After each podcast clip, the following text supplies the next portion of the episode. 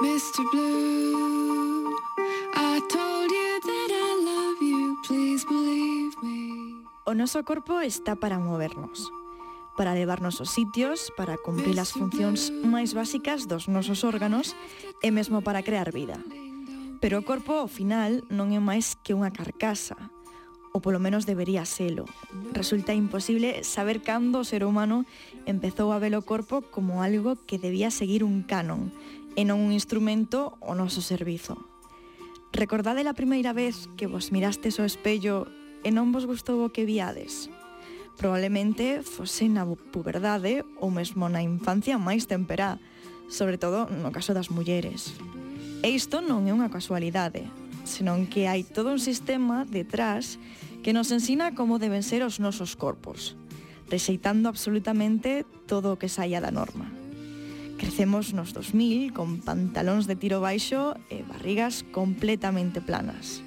Con actrices e cantantes que se acusaban de gordas se pesaban máis de 50 kilos. Recordemos a Hilary Duff ou a mítica Raven de Disney Channel. E non me afagades falar de Bridget Jones, unha película na que a protagonista vai anotando o seu peso chegando a un máximo de 60 kilos. E véndenos que, bueno, está gordísima presentando en todo momento como unha personaxe cómica. E se ben é certo que noutras seccións falaba dos contrastes do que víamos antigamente e o que existe hoxendía, o certo é que neste senso non temos mellorado moito. Podemos velo ou acender unha televisión. Contaremos cos dedos dunha man as persoas que non están delgadas, especialmente se son mulleres. Vivimos vendo e romantizando uns corpos que non sempre son realistas, cun sistema empeñado en facer que as mulleres odiemos os nosos corpos que non sempre a delgadez e saúde e que son moitos os estudos que relacionan a influencia das redes sociais na creación de trastornos de conduta alimentaria, sobre todo, como a sempre, nas mulleres. E se ben é certo que a industria audiovisual leva suspendendo esta materia pendente moitísimos anos, representando as personaxes gordas como recursos totalmente cómicos ou facendo que a súa única personalidade e trama sexa precisamente estar gordas, hai algunha excepción. E diso veño a falarvos hoxe. O certo é que é superliberador cando ves un corpo semellante ao teu, que non ten por que encaixar neses moldes tan estritos, representado dun xeito bonito.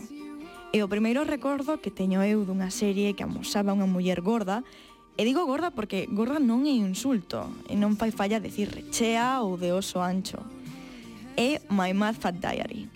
Esta é unha serie que está cargada de reflexión sobre os nosos corpos, e amosa moi ben que Rae non só por ser gorda ten problemas coa súa autoestima, senón que absolutamente todas as personaxes teñen relacións tóxicas coa comida, sen importar como son os seus corpos. Teño dismorfia de corpo sen dismorfia. Son unha bulímica sen a enfermidade. I am estou fa gorda. Pois a través da historia e adolescencia de Rae, hai moitísimas escenas importantes sobre os nosos corpos e como influen na nosa autoestima, como esta tan impactante de Rae falando co seu psicólogo. Pecha os ollos, quero que me digas que o que che gusta de ti mesma, pero sé honesta, non sexas lercha, sé honesta. Estou gorda, son fea e arruino todo. Intenta averiguar dende cando te sentes así. Non sei, dende que tiña nove ou dez anos. Abre os ollos, quero que imagines unha versión de ti de dez anos sentada nese sofá. Esta é a meniña que estaba que era fea e gorda e unha vergonza. Dille a esa nena que está gorda.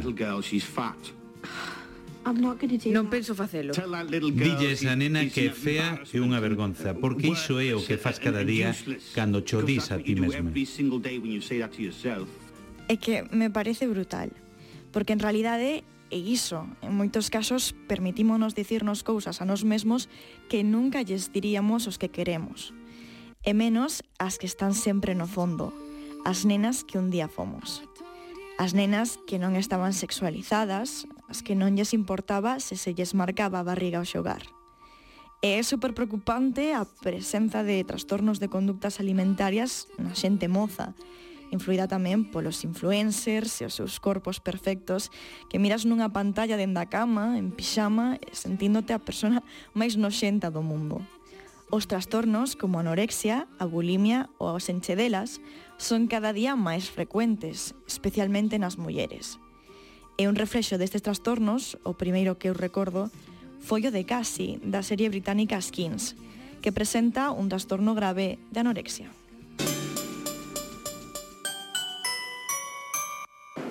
Como faz? Veña, Cassie, nunca comes. Teus pais teñen que sabelo. Gustasme, Sid. Voucho ensinar. Tes que falar moitísimo. Dáseme ben falar. E logo cambias de tema. Isto está riquísimo. Encántanme estas salchichas. É impresionante. Grazas. Casi, é esa personaxe coa que todos empatizamos ata o punto de romantizala, que trataba temas tan importantes pero dun xeito tan incorrecto.